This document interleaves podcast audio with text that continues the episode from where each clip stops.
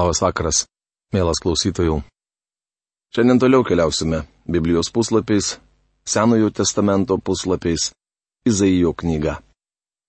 Praėjusioje laidoje mes pradėjome nagrinėti aštuntąjį šios knygos skyrių, kurio tema - dar vienas ženklas, tai yra antro Izaijo sunaus gimimas, ir pranašystė apie tai, kad Asirija užims Emanuelio kraštą. Praėjusioje laidoje išnagrinėjome pirmąją temos dalį, šiandien nagrinėsime antrąją. Prieš pradėdami šios dienos apžvalgą paveskime save Dievui ir paprašykime Jo pagalbos suprasti Jo žodį.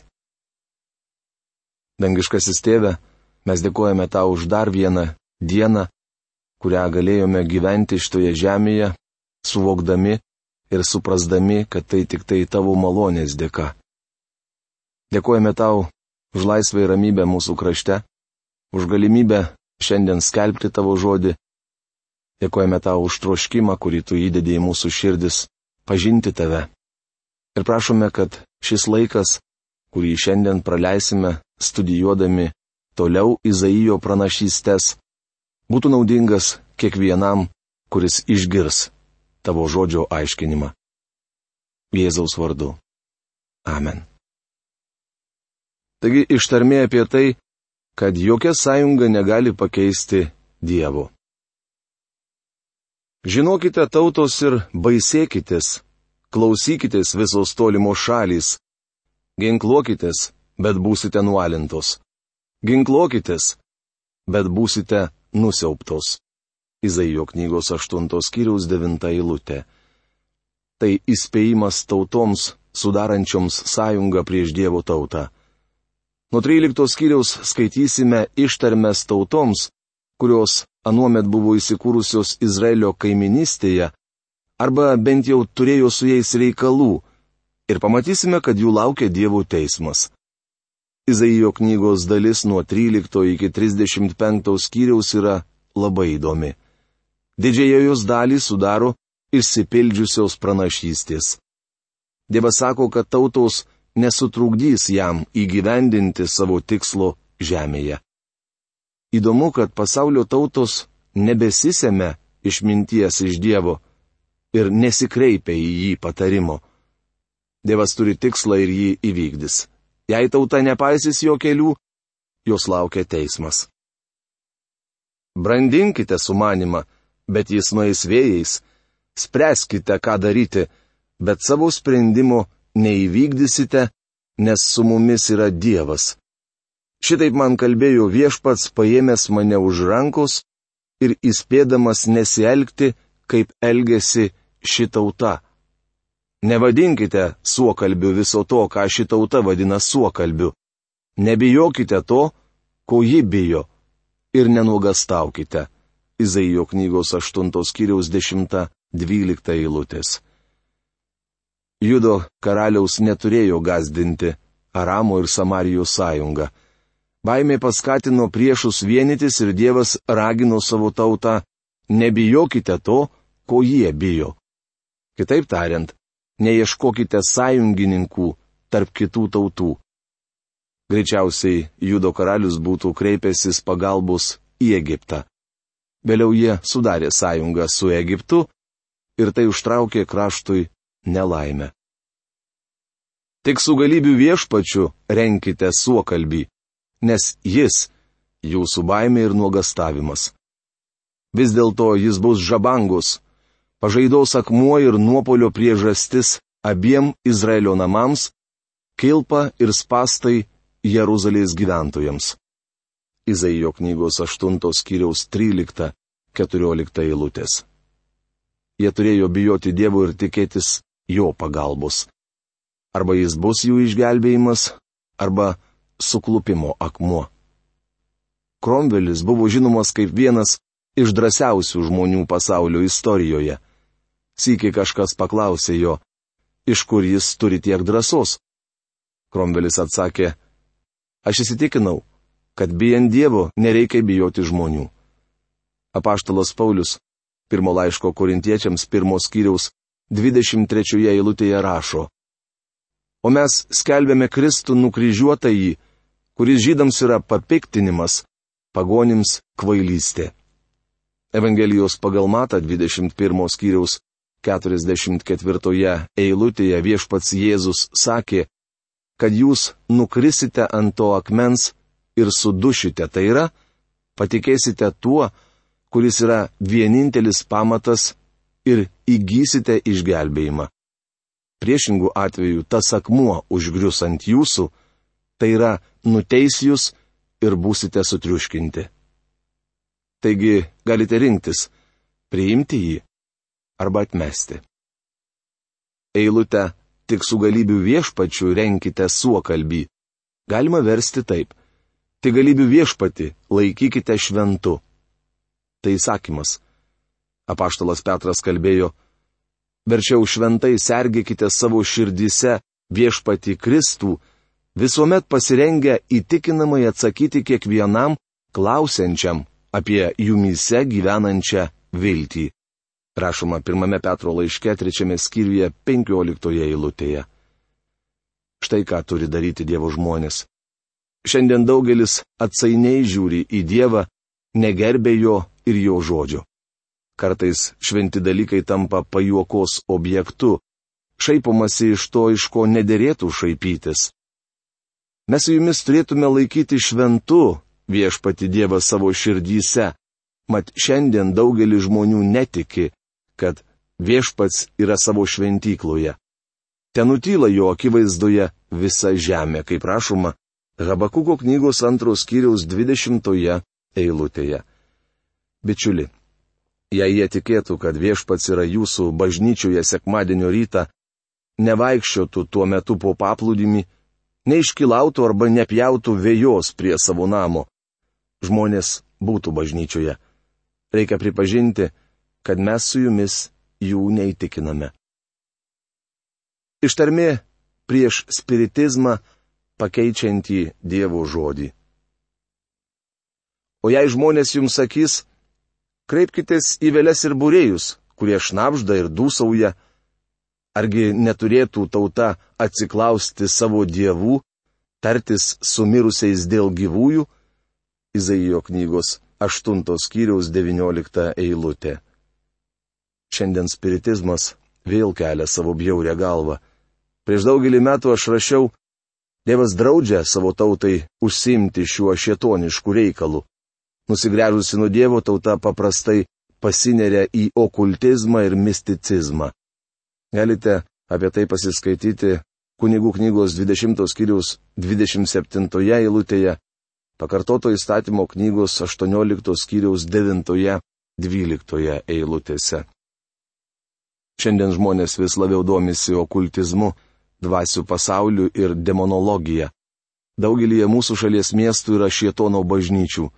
Jų nariai atvirai garbina velnę. Daugelis toms bažnyčioms nepriklausančių žmonių tai daro netiesiogiai. Net krikščionys įsivelia į okultizmą.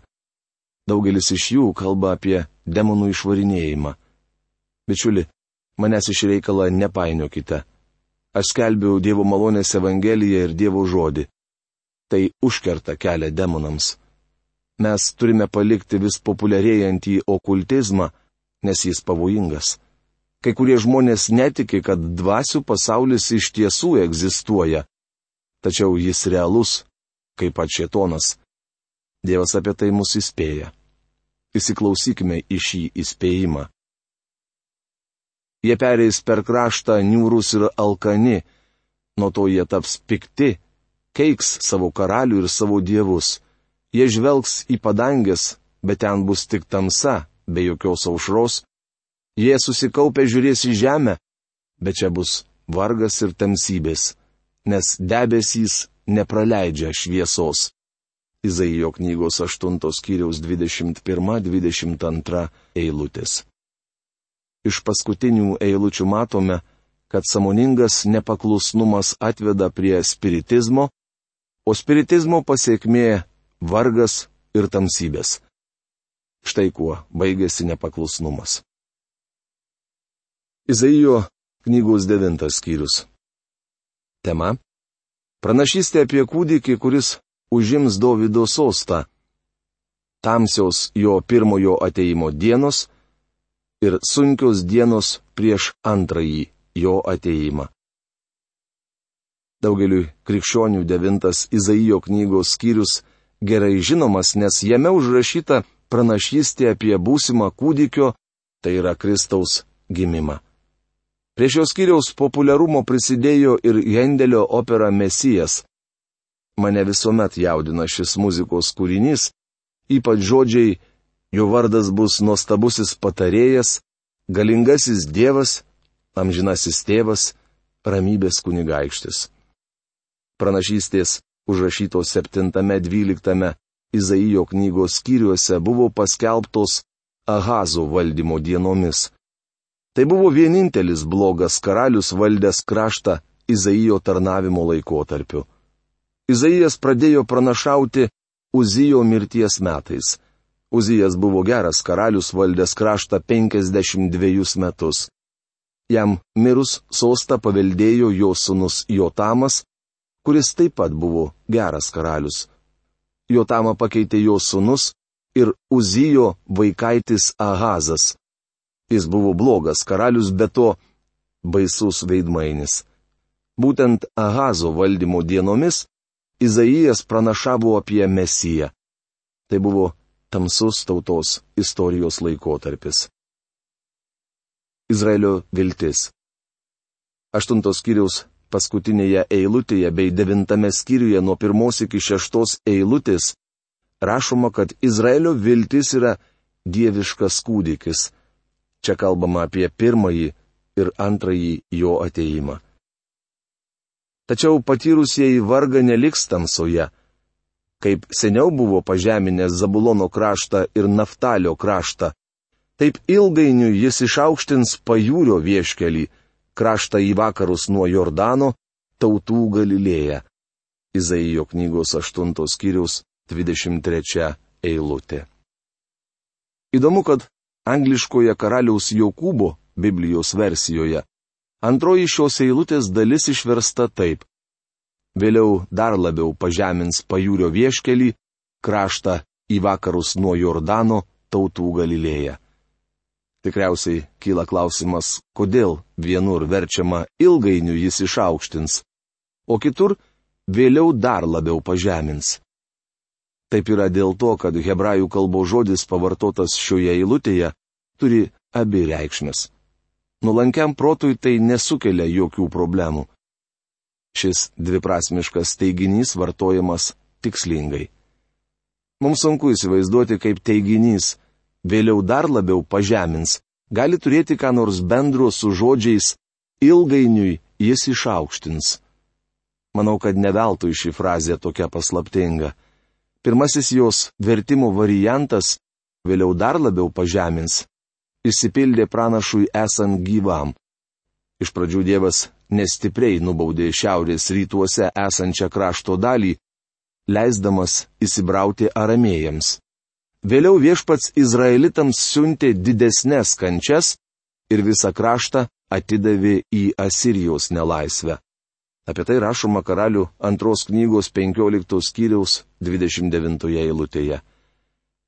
Kitas šios frazės vertimo variantas - ilgainiui jis išaukštins - išsipildė daug vėliau, kai Kristus pirmą kartą atėjo į žemę. Jėzus Kristus iš tiesų išaukštino Galilėjos rytį. Ji buvo niekinama, nes ten gyveno pagonys. Viešpats aplenkė Jeruzalę kur buvo įsikūręs anuo meto religinis centras. Jėzus gimė ir augo Nazarete. Kai mūsų viešpati ten atstumė, jis persikėlė į Kafarnaumą. Šis miestas įsikūręs ant Galilėjos ežero kranto, niekinamame karalystės pakraštyje. Vakarinėje Galilėjos ežero pakrantėje buvo Naftalio sritis, kuri ribojasi su Zabulono teritorija. Nazaretas buvo Zabulono žemėje, o Kafarnaumas - Naftalio žemėje. Kaip jau minėjau, Kafarnaume buvo apsistojęs Jėzus ir kiek aš žinau, jis niekada nepersikėlė kur nors kitur. Žinant šiuos faktus lengviau suprasti, kodėl jis Kafarnaumui išpranašavo tokią griežtą bausmę. Taip atsitiko dėl to, kad šis miestas buvo arčiau šviesos negu bet kuri kita geografinė sritis. Evangelijos pagal Mata ketvirtos skyriaus 12-16 eilutėse rašoma. Išgirdęs, kad Jonas suimtas, Jėzus pasitraukė į Galilėją. Jis paliko Nazarą ir apsistojo Kafarnaume prie ežero, kur susieina Zabulono ir Naftalio sritys. Išsipildė pranašo Izaijo žodžiai Zabulono žemė ir Naftalio žemė.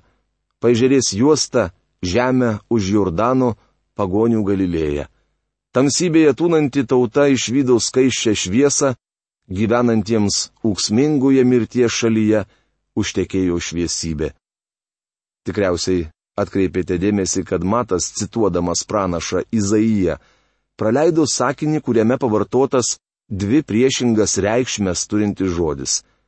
Jei tas sakinys nebūtų praleistas, žinotume, kaip jį aiškina pati šventoji dvasia. Mano manimu, šventoji dvasia turėjo omenyje abi toje eilutėje pavartoto žodžių reikšmės, nes abu galimi tos frazės vertimo variantai išsipildė. Tauta, gyvenusi tamsumoje, pamatė didžią šviesą. Gyvenusiems neviltie šalyje užtekėjo šviesybė. Izaijo knygos 9 skyriaus 1 eilutė.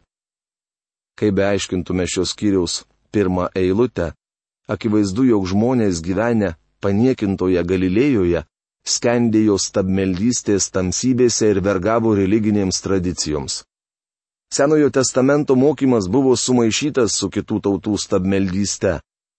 Kai viešpats Jėzus Kristus toje srityje pradėjo tarnavimą, žmonės išvydo didžią šviesą. Jie matė viešpati Jėzų Kristų, tai yra pasaulio šviesa. Evangelijos pagal Joną 8 skyriaus 12 eilutėje skaitome. Jėzus vėl prabilo. Aš pasaulio šviesa. Kas seka manimi, nebevaikščios tamsybėse, bet turės gyvenimo šviesą. Šie žodžiai išsipildė pirmojo Kristaus ateimo metu. Manau, galima drąsiai sakyti, kad Izaijo knygos aštuntos skyriaus paskutinėje ir devintos skyriaus pirmoje eilutėse kalbama apie pirmąjį mūsų viešpaties ateimą. Tikriausiai kyla klausimas, apie kokį laikotarpį kalbama kitose eilutėse. Kai kurie Biblijos aiškintojai, pavyzdžiui, daktaras Jenningsas ir daktaras Ironsidas, mano, jog tarp devintos skyriaus pirmos ir antros eilučių yra spraga. Jų nuomonė, įvykius, kurie aprašomi minėtose eilutėse, skiria tam tikras laiko tarpas. Kaip jau minėjome dviejose anksčiau skaitytose eilutėse kalbama apie pirmąjį Kristaus ateimą. Skaitydami toliau pamatysime, kad nuo šio skyriaus antros eilutės prabylama apie antrąjį jo ateimą.